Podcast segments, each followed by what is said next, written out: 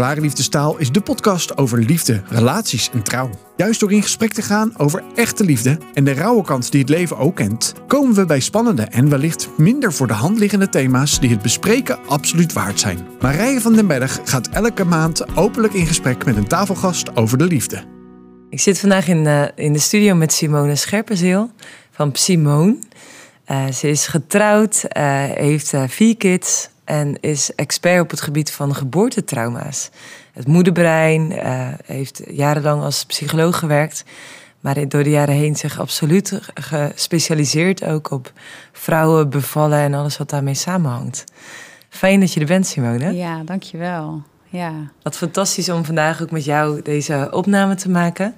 Uh, sterker nog, uh, we maken een serie van twee, omdat hier zoveel over te vertellen valt. Zeker, ja. Kun je ons eens meenemen in jouw ontdekkingstocht? Mijn reis hierin. Ja, ja dat voert eigenlijk een beetje terug naar uh, mijn eerste eigen zwangerschap. Ik werkte ehm, in de GGZ, specialistisch GGZ, als, als psycholoog. En um, heel tof werk wel. Ik werkte vijf dagen per week, kwam ik bij gezinnen thuis uh, werkte ik dus al wel met, ook wel met moeders met trauma, maar vooral de impact die dat had op uh, kindermishandeling en verwaarlozing. Wow. En toen werkten wij eigenlijk vooral om, um, ja, om te voorkomen dat jeugdbescherming de kinderen uit huis zou plaatsen. Dus ik was al wel heel erg bezig, altijd gewoon vanuit mijn, uh, direct vanuit de studie psychologie daarin begonnen. Wel echt wel met ja, voor mijn gevoel de dingen die ertoe deden op dat gebied. Het trauma heeft altijd wel mijn, mijn interesse gehad. Maar dat was echt een, fulltime baan met af en toe een crisisdienst. Dus toen ik uh, uh, zelf zwanger raakte van de eerste, wist ik al wel, hier, dit gaat stoppen. Want dat mocht je ook niet maar vier dagen per week doen. Maar, zeg ik tussen aanhalingstekens, want het was nog steeds veel. Maar ik dacht toen, ik ga vier dagen werken als ik moeder word. En toen uh, was de zwangerschap zelf voor mij echt al wel een... Ik werd toen zo bewust van mijn lichaam gewoon van, van wat dat deed. In het intuïtieve, altijd al wel een, een intuïtief persoon zeg maar, geweest. Op gevoel afgegaan, maar daarin werd dat zo verdiept. Want waarin merkte je dat?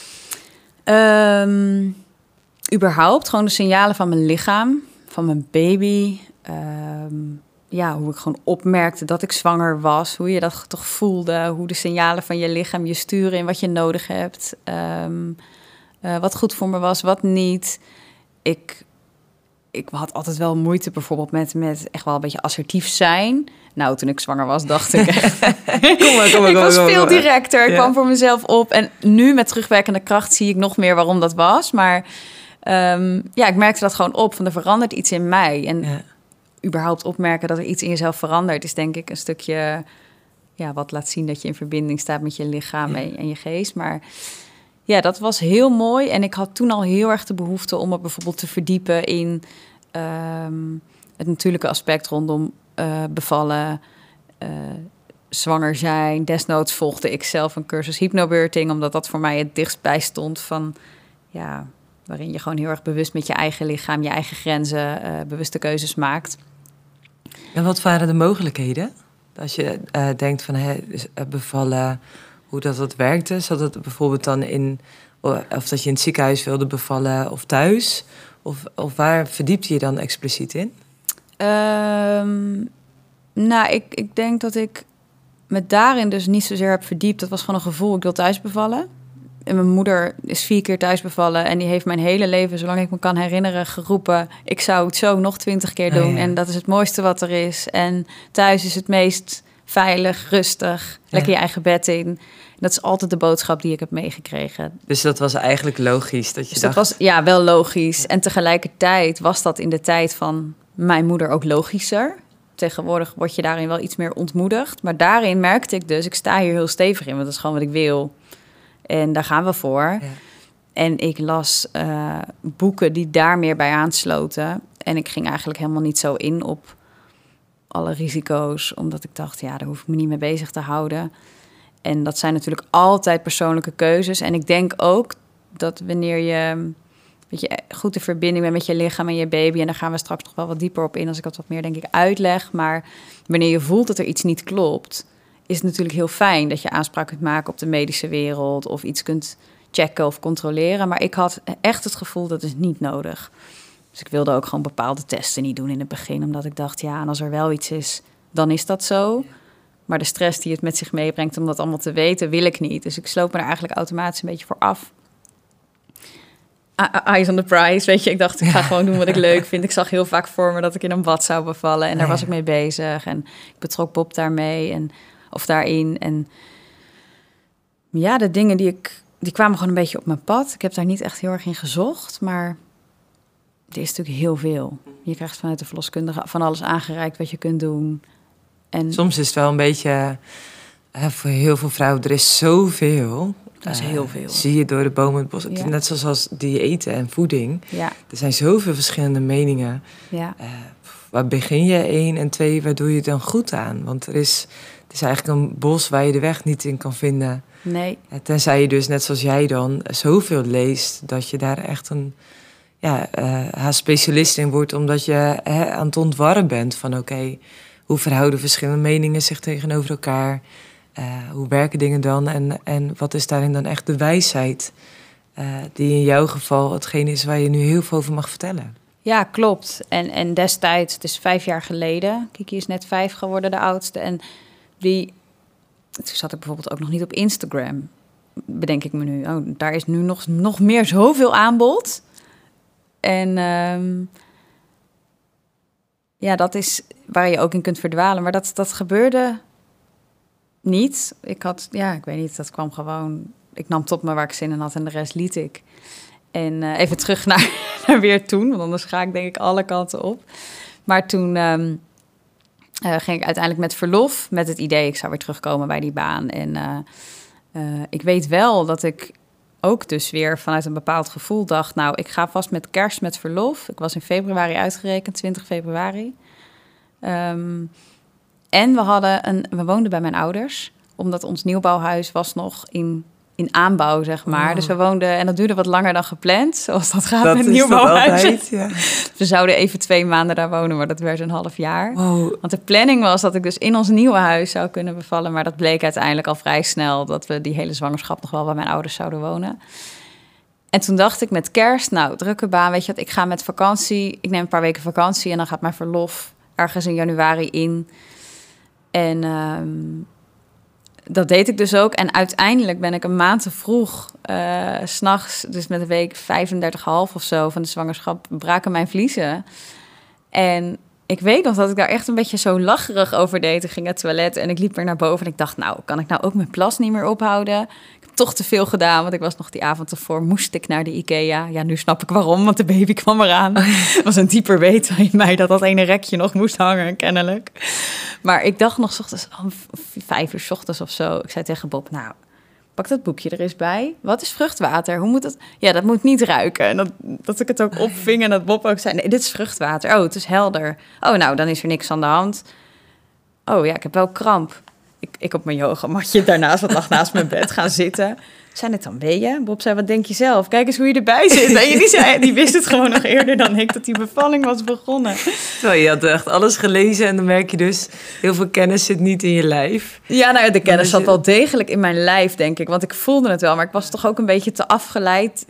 achteraf gezien door wat hoort dan. Ja, Want dat bedoel ik, met de kennis, zeg die maar. Kennis, ja, die kennis, zeg maar. De kennis uit boekjes, van wat hoort dan. Het lijstje van de verloskundige, dan mag je bellen. De weeën horen zo te komen. En, en je hebt in die zin, ook al is er heel veel impliciete kennis in je lichaam aanwezig, je maakt het voor het eerst mee, de start van een bevalling. Dus dat je het even met je bewuste hoofd niet weet, is ook wel weer iets anders dan dat je lichaam het niet weet. Want mijn lichaam ging gelijk op de grond zitten. En ik dacht met mijn hoofd, begint het dan nu? Ja. Oh, oh, beetje zo verward. Maar ehm, uiteindelijk uh, zat ik, dat ging vrij snel, had ik toch echt wel krampen, weeën dus. En dat ik nog tegen Bob zei, het is wel heel vroeg, we moeten nu nog niet de verloskundige bellen hoor. Terwijl in principe, als je bevalling een maand te vroeg begint, mag je ieder moment je verloskundige bellen, ook midden in de nacht. Maar ik was zo ontspannen, ik had totaal geen angst. En dat is denk ik ook de reden dat we niet belden. Dus toen... Um, nou ja, tegen zessen zeiden we geloof ik, nou ja, nu, nu kunnen we wel bellen. en we hebben echt grappen gemaakt. Tijd, ja. Het voordeel van bij mijn ouders wonen was dat zij een open haard hadden. Dus Bob ging beneden de open haard aanzetten. En mijn vader zei om half zeven s ochtends, wat ga je doen? Ja, de bevalling is begonnen. Mijn moeder kwam nog kijken. En die zei van de week toevallig nog... ik snap niet hoe ik het heb kunnen doen, maar ik ben gewoon terug naar bed gegaan. dat is ook zo'n dieper weten dat zij het mij gewoon toevertrouwde... en wist, Ja. het komt wel goed, want die ervaringen heeft zij ook altijd gehad. En die zijn weer naar hun, hun bed gegaan en wij zaten bij die open haard... en toen kwam de verloskundige binnen om een uur of half zeven, zeven uur...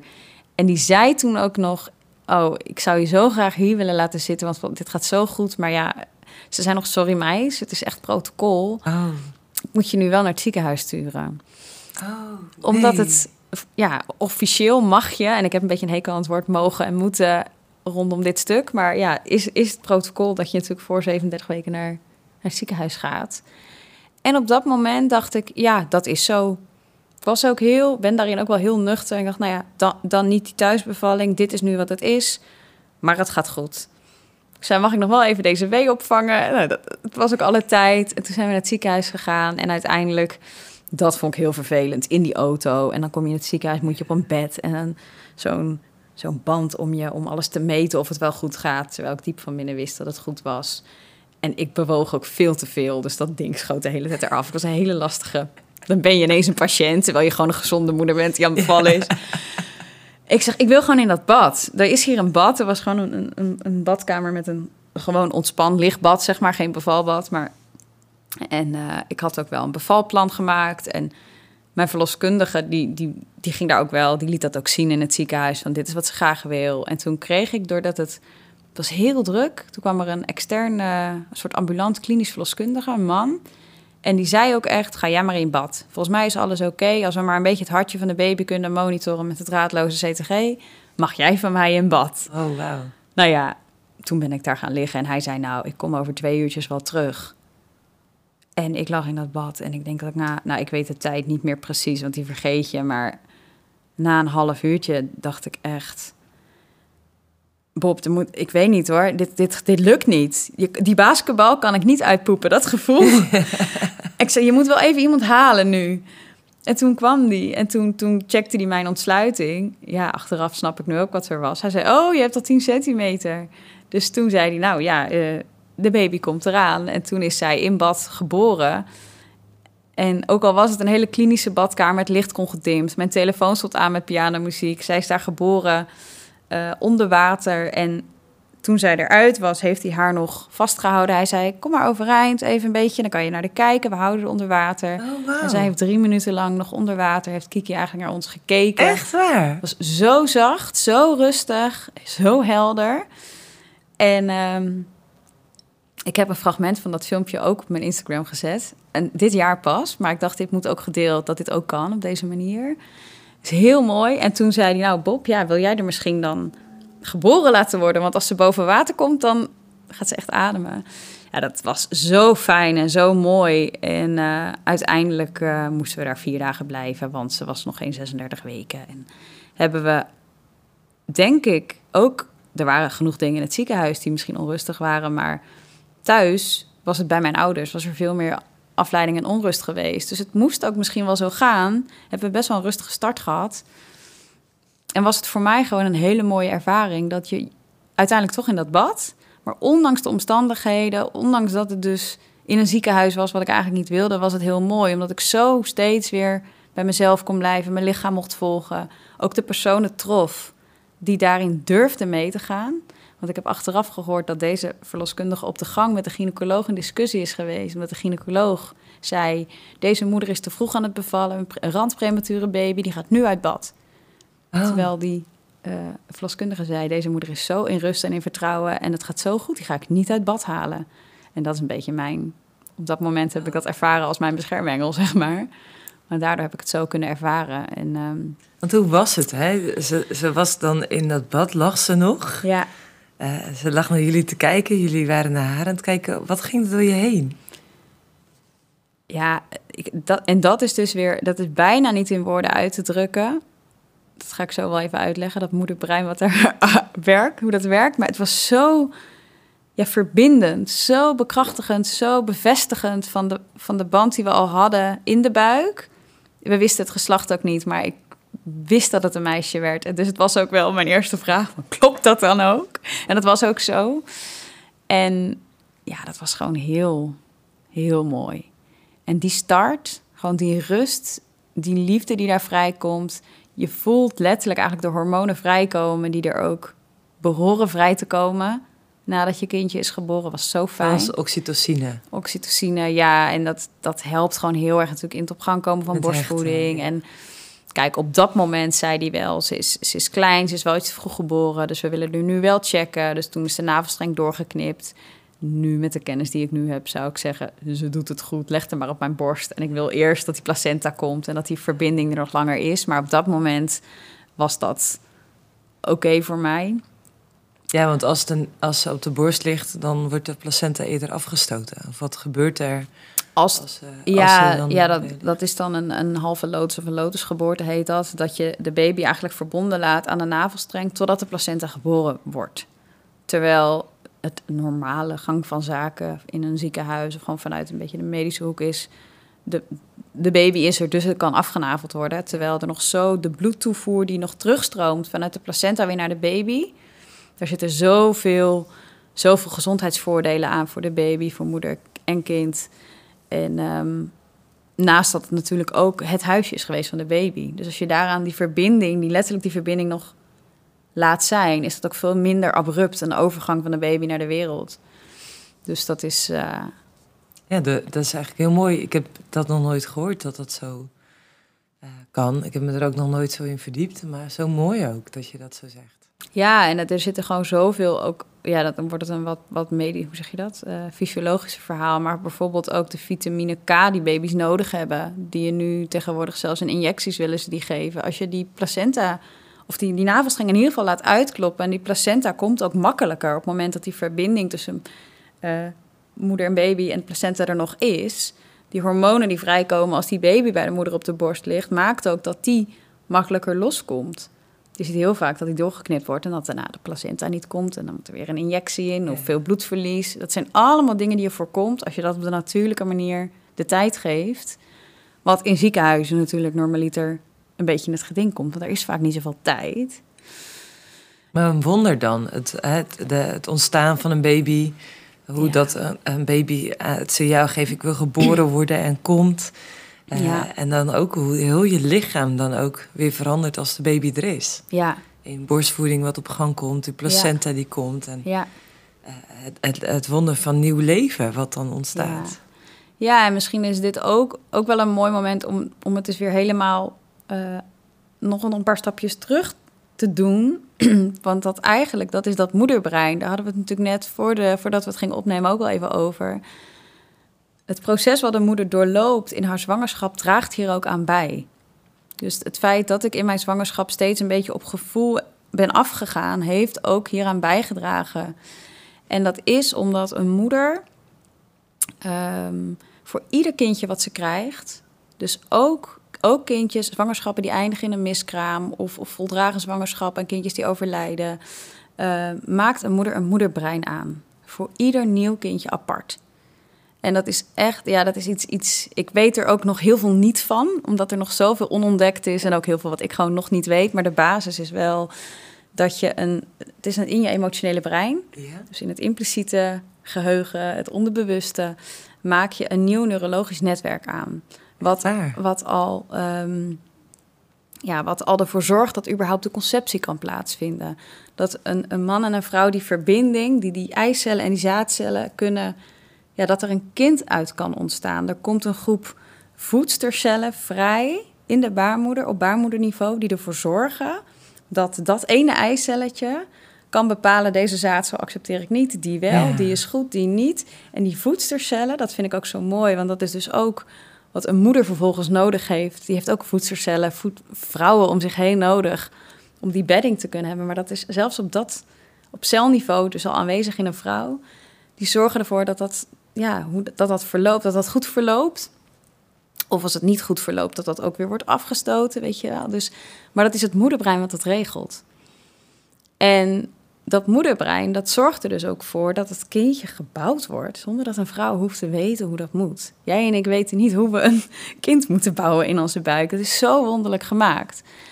En ja, het is, het is geen spier, maar ik vergelijk het altijd wel een beetje op die manier... dat als je dat traint...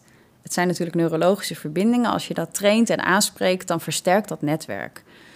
En, ja, dus de, de, de neuropaden die daar dus in aanlegt. Ja, Dat het als het ware een A2 wordt in plaats van een oerwoudweggetje wat je voor de eerste ja, keer een kapt. polderweggetje, zeg Ja. maar. Ja, en, en dat is iets, en dat is soms ook echt even een soort shock wanneer je, dat, wanneer je daar bewust van wordt. Wanneer een vrouw dus zwanger wordt, ze komt erachter, ze, ze, ze ervaart dat in haar lichaam.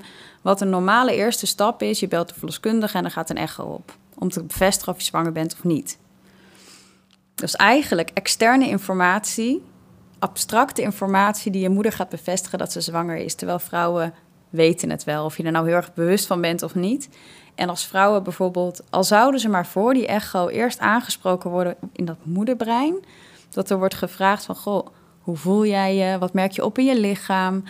Alleen al door zo'n vraag te stellen, een moeder te laten vertellen over wat ze ervaart, wordt dat al versterkt.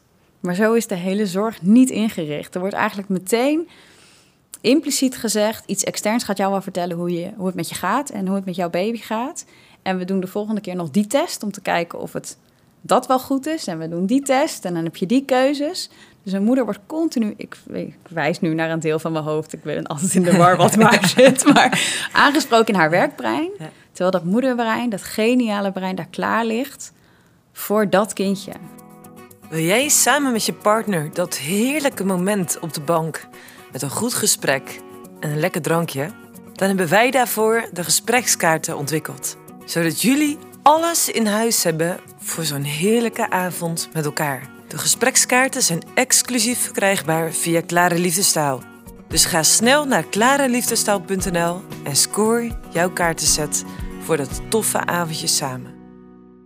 Ja, maar dat, eh, is deelt echt- dit zo. Ehm, eh, maar waar ik mezelf in aan het specialiseren ben, is het stukje hormonen, cyclus. eh, kun je je lichaam aanvoelen. Ja. En wat ik gewoon merk is dat we als vrouw zijnde, als tiener, door acne of door handigheid of door preventie of wat dan ook, wat voor redenen dan ook, al aan de pil gaan. Ja. Hè, in verband met ongesteldheidspijn, wat het dan ook allemaal is. Ja. eh, of een spiraaltje krijgen. En dus eigenlijk nooit ons lijf helpen om een, het zich eigen te worden in die cyclus. Eh, en tegelijkertijd ook dat we dat niet voelen en niet ervaren van hoe zit ik in mijn lijf? Wat voel ik? Eh, Waar zit ik ergens in mijn cyclus? Hoe kan ik op een goede manier voor mezelf zorgen? En wat dan logischerwijze ook doorgaat als je dus zwanger bent. Ja. Dat je dus echt voelt, hoe voel ik me? eh, eh, hè, voel ik mijn eiensprong? Voel ik de innesteling? Voel ik eh, daadwerkelijk, merk ik op wat er allemaal verandert in mijn lijf? Ja. Aan mijn borsten, gewoon aan, aan mijn trek, aan mijn energie, inderdaad, aan mijn assertiviteit. Want het doet zoveel met je op zoveel verschillende terreinen. Ja. En jouw oproep is echt: hey, hallo. Eh, eh, creëer die verbinding ook met jezelf. Word je, je bewust van wat gebeurt er in je lijf. En eh, leer ook te vertrouwen dat als je intuïtie iets aangeeft, dat je ergens behoefte aan hebt, of dat je iets nodig hebt, of dat iets goed gaat, Ja. dat je daar ook echt op kunt vertrouwen. Ja. ja, het zijn echt instincten die we als moeder krijgen, die, die ook, en dat, omdat het zo in dat emotionele brein gelegen is, zijn er ook soms geen woorden voor. Het is veel meer sensorisch van aard, wat bijna niet te vatten is in woorden of in getallen of in metingen. Of, dat, dat geeft dus een error eigenlijk. Dus naast dat het niet wordt aangesproken, is het ook eigenlijk iedere keer een verstoring wanneer er wordt gezegd: ja, maar jij als vrouw kan dit niet voelen. Dat, dat, ja, maar dan kan je er heel erg naast zitten hoor, want dat klopt niet. We gaan het wel even meten. Dus dat continu eigenlijk een kleine error. En, en naarmate een, een zwangerschap vordert, wordt een moeder hoe dan ook, of ze zich er bewuster van is of niet, op impliciet niveau wordt ze sensorischer eh, georiënteerd. Ze dat, dat, dat voelen en dat verbeelden, dat is zo ja, waar, waar een zwangerschap op draait. En wat zie je gebeuren? Naarmate vrouwen langer zwanger zijn, komen er meer controles. Want het kan alleen maar meer misgaan. Dus we gaan er nog meer testen, nog meer controles. Dus eigenlijk elke keer een soort error. En heel veel vrouwen, kijk, ik ben me daar nu heel erg van bewust. Maar heel veel vrouwen zijn zich daar niet van bewust. Want de hele maatschappij is ingedeeld op abstractie. Op meten is weten, controles. En daardoor denken ook heel veel vrouwen toch wel, omdat we zo abstract zijn, ja, opgevoed. Ja, maar dat is toch heel goed om het gewoon te controleren. Dus ja, wat wij bijvoorbeeld ook vanuit het Sopenvalkcentrum, ehm vertel ik zo misschien ook even wat meer over. Maar gewoon, dit is een groot vraagstuk. Hoe krijgen we hier vrouwen van bewust in, in zo'n abstracte maatschappij? Terwijl als je daar dus wel, als je dat dus wel volgt. ehm, en af en toe nee zegt tegen ja, maar ik wil dat niet. Want ik, er is iets in mij wat zegt dat ik gewoon dit pad moet lopen of dat ik dit even niet hoef te weten. Dan, dan, dan sterk je dat moederbrein. En op het moment dat je dat tijdens je zwangerschap aanspreekt en dus traint eigenlijk. En dat mag je het soms ook best wel even moeilijk hebben, want dan maak je misschien keuzes die iedereen eh, maar gek vinden of raar of zelfs gevaarlijk. Die krijg je heel vaak. En een dode babykaart, die wordt heel snel getrokken. Maar dat je als moeder zegt, ja, maar dat wil ik niet, dat volg ik nu. Dan ben je eigenlijk trouw aan, aan dat moederbrein, dat train je. En dat, dat ja, komt je ten goede tijdens bijvoorbeeld je bevalling. Omdat je er dan veel meer op durft te vertrouwen. Dat het veel krachtiger is en jezelf veel meer daarbij durft te blijven. En Ja, dus eigenlijk wat je stelt is... eh, eh, het, dus dat trainen, je noemde dat, je vergeleek het een beetje met een spier, dat moederbrein. Het is geen spier, maar het is zo'n goede een manier om te laten zien. netwerk. Ja, dat, dat het daarin, eh, wanneer je dat dus traint, wanneer je daar eh, op af leert te stemmen, Ja. dat het je ook enorm veel helpt ook met je bevalling en de tijd daarna. Ja. ja, en dat emotionele brein aanspreken, dat zijn eigenlijk drie dingen. Ehm, dat is het vertellen, voelen en verbeelden. Dat zijn drie dingen die daar gewoon heel erg aan bijdragen. Dus bijvoorbeeld in, in eh, de Zo beval ik trajecten die ik bijvoorbeeld ook doe in voorbereiding op, op een bevalling met moeders. Maar eigenlijk is een voorbereiding op het moederschap. Maar is dat wat we ook inzetten? Van wat zie je eigenlijk voor je? Hoe wil je je eigenlijk voelen op het moment dat jouw kindje geboren wordt? Hoe zie Iedere vrouw ziet dit voor zich. Iedere vrouw weet, maar ook andersom. Maar bijvoorbeeld bij miskramen of op wat voor manier dan ook. Weet je, hoe zou je dat willen ervaren? Hoe, hoe, wat heb jij nodig? Wie staan er om je heen? Wat voedt jou? En op het moment dat je daar dan heen gaat, oké, en wat is er dan nu in de zwangerschap nodig om dat te bewerkstelligen? En je, je hebt het leven zelf, dus je kunt niet alles sturen, maar wel daar, daarover vertellen überhaupt. Van hoe zie je het eigenlijk voor je? Dat, dat gebeurt niet in die tien minuten dat je bij een verloskundige in de kamer zit. Daar is ook gewoon, dat is niet- geen kwade wil. Daar is gewoon geen tijd voor. Zo is het systeem niet ingericht. Maar vrouwen weten zoveel. En dus eigenlijk nodig je vrouwen uit om eh, daar dus echt ook eh, eh, ruimte aan te geven en ook tijd voor te nemen, de rust voor te nemen om, om gewoon eens over na te denken. Dus niet alleen maar functioneel een geboorteplan te maken, Ja. Maar eigenlijk daarin ook echt nog verder van, oké, hoe zie ik dat dan dus voor me? Hoe wil ik me voelen? Ja. Eh, eh, wat als er, eh, ja, als die bevalling dan op gang komt, eh, op wat voor manier zou ik dat dan ook, eh, ja. ook echt gewoon voor me zien als het. eh, Ja, want het, het geboorteplan bijvoorbeeld, waar we zijn vaak heel erg gefocust op, nou, wat staat er dan in, zodat iedereen zich eraan kan houden. Maar het is veel meer het proces wat eraan vooraf gaat. Dat je bewust daarmee aan de gang gaat, uitspreekt. Ik zeg ook altijd, het is, het is niet zozeer dat je hem voor je verloskundige maakt, zodat zij weet wat zij moet doen. Maar het feit dat je over en over met je partner bijvoorbeeld bespreekt. Ik zie voor me dat we thuis zijn en dat jij erbij bent en heb ik dit nodig. Gaan ontdekken wat je nodig hebt. Het, er zitten zoveel lagen, er zit zoveel prachtige voorbereidingen in de zwangerschap zelf. Als ik terugpak waar ik net ook even eindigde van, het is soms ook heel moeilijk. Als je bepaalde dingen wilt kiezen, dan heb je het moeilijk. Of je voelt even geen leven in je buik. Dat is heel spannend. En dan kun je er meteen een echo op zetten en weten dat het goed is. En soms is dat ook fijn dat die techniek er is. Maar wat als het je uitnodigt om eh, oh, wacht even. Ik heb eigenlijk ook wel een hele drukke week.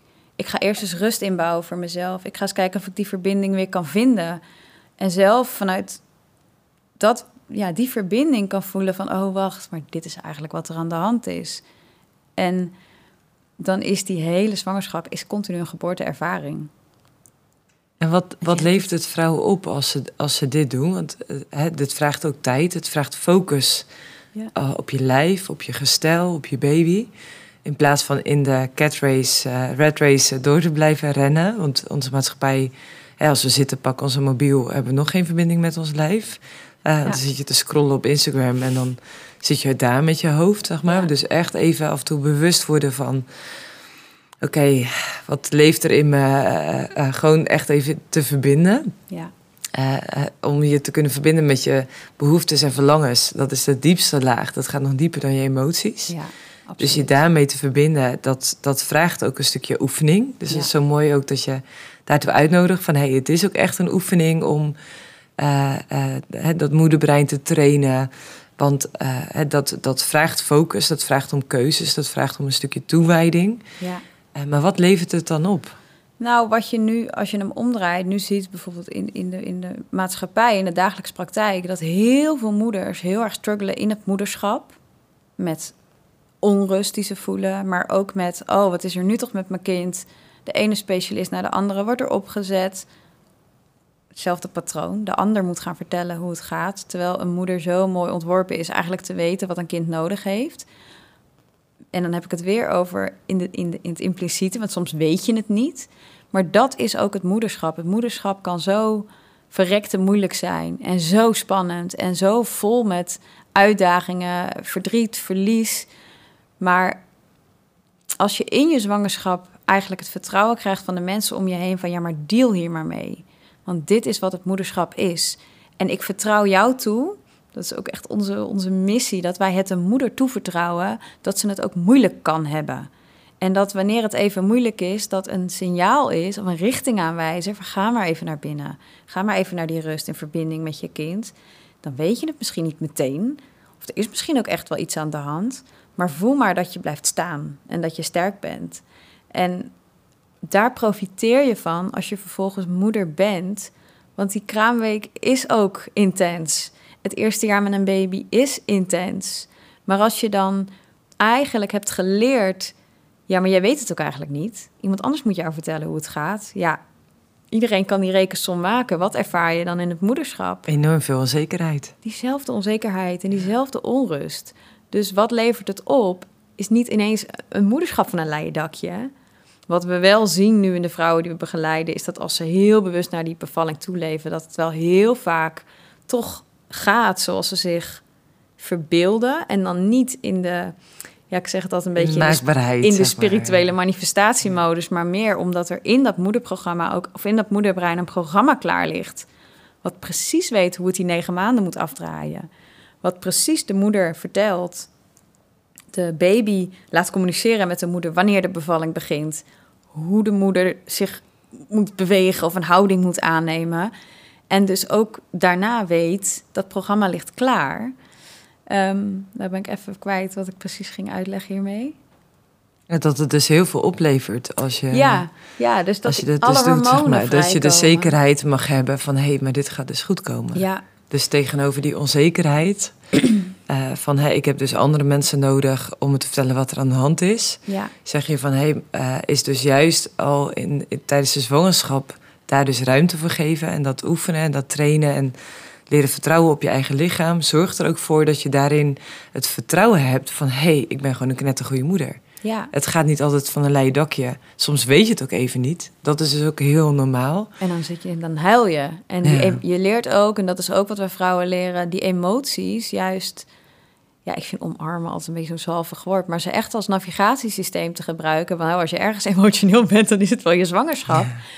Maar ze vertellen je iets. En vertellen ze je misschien iets over je eigen levensverhaal daar starten wij ook altijd mee. Met wat, waar kom je eigenlijk vandaan en wat is jouw verhaal? Hoe ben je zelf geboren? Wat voor gezin kom je? En als er heel veel pijn wordt aangeraakt, is het soms ook wel eens even interessant om te kijken van wacht even, dat wordt aangeraakt. Maar ook gewoon als je voelt van ja, maar dit is niet oké. Ik heb angst. Die angst is niet verkeerd. Angst is super waardevol. Maar luister er maar naar. En, en niet de angst van, nou, als je dit doet, heb je 0,2% kans dat je baby overlijdt. Maar gewoon, deze plek is niet oké voor mij.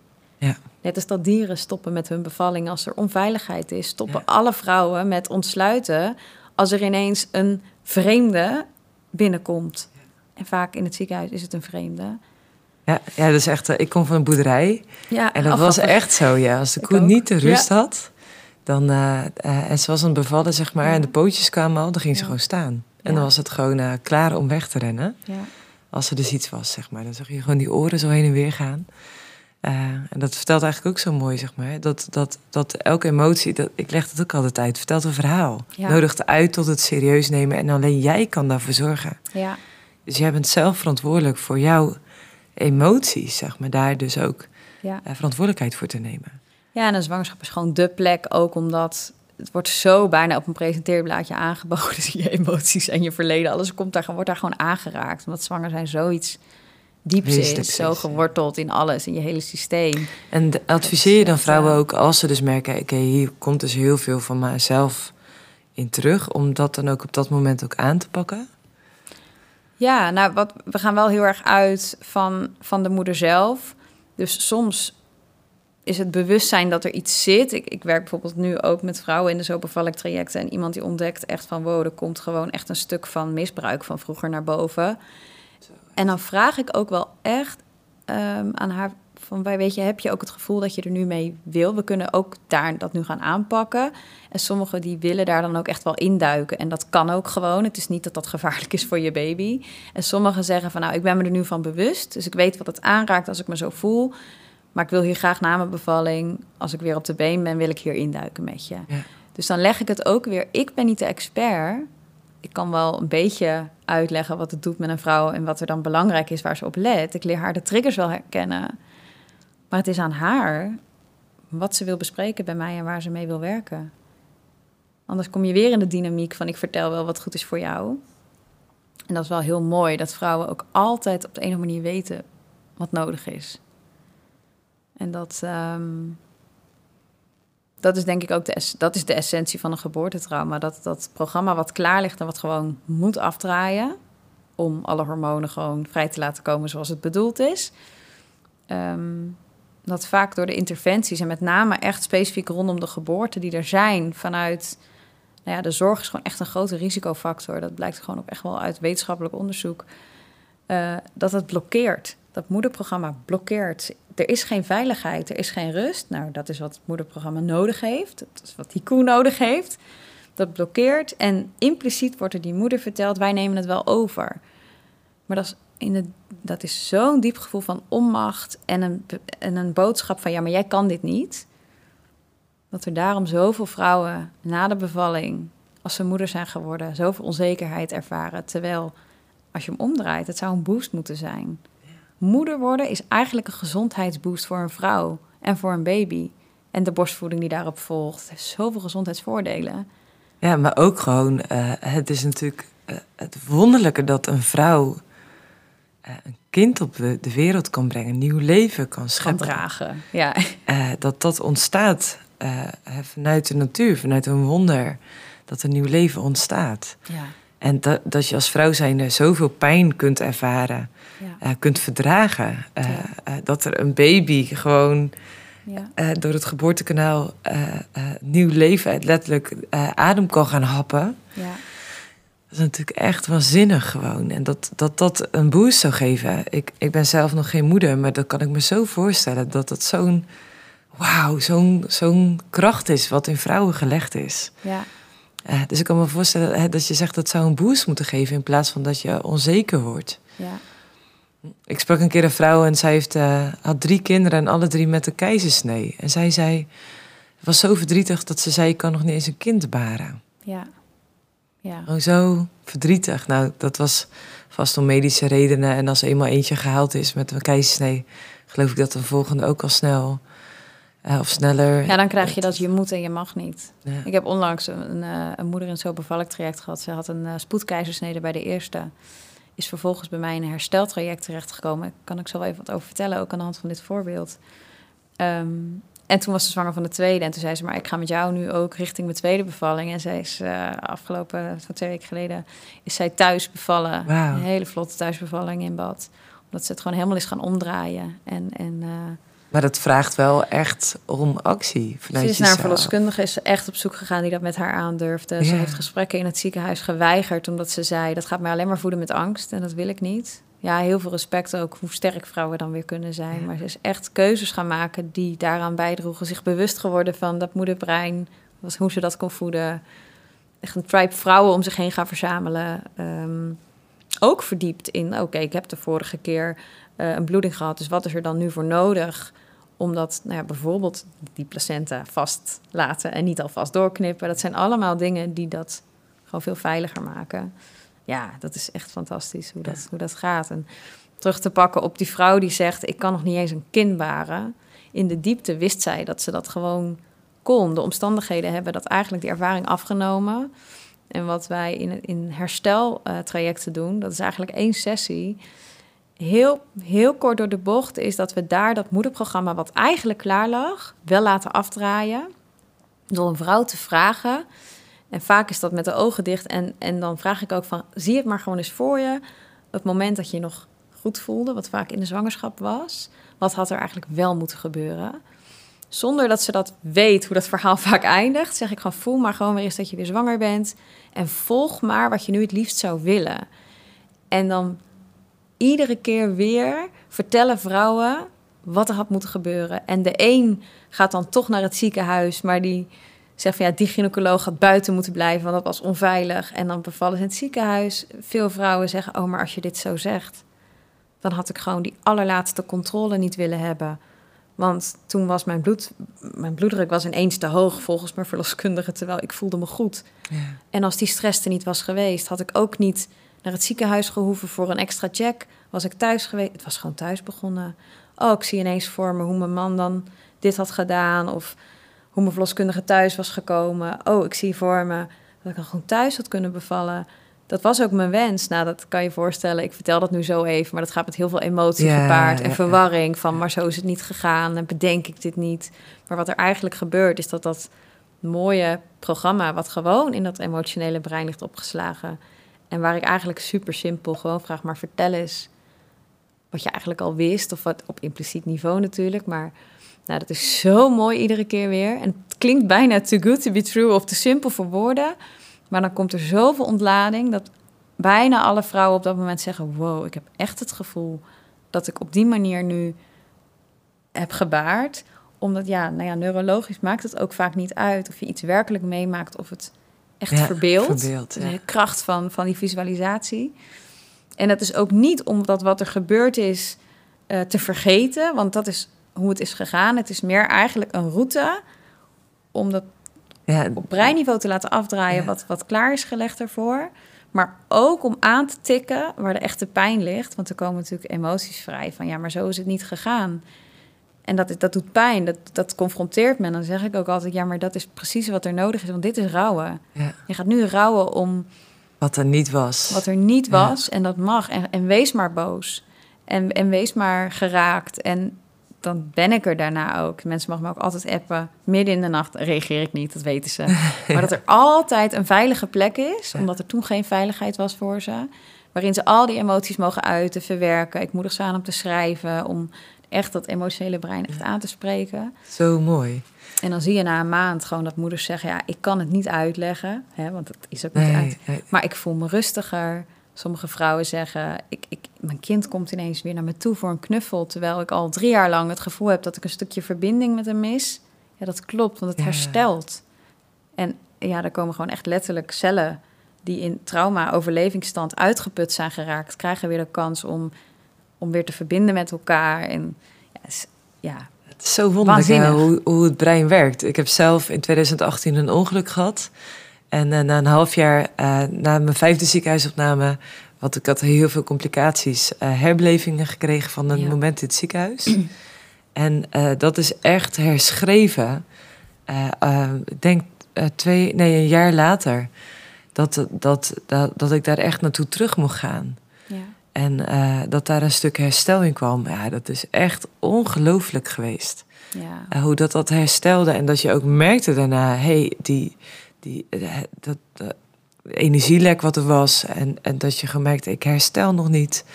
Uh, er is nog iets, wat, wat is het dan? Dat het zoveel herstel gebracht heeft. Ja. Om dat ook echt aan te gaan. Ik zit echt te popelen om uh, meer van je te horen. Uh, ik denk dat dit een heel mooi einde is van onze eerste opname. En gelukkig hebben we er nog één. Ja, dat is wel goed ook. Er is zoveel te vertellen. Ja, dankjewel ja. Voor, voor het delen van je persoonlijke verhaal.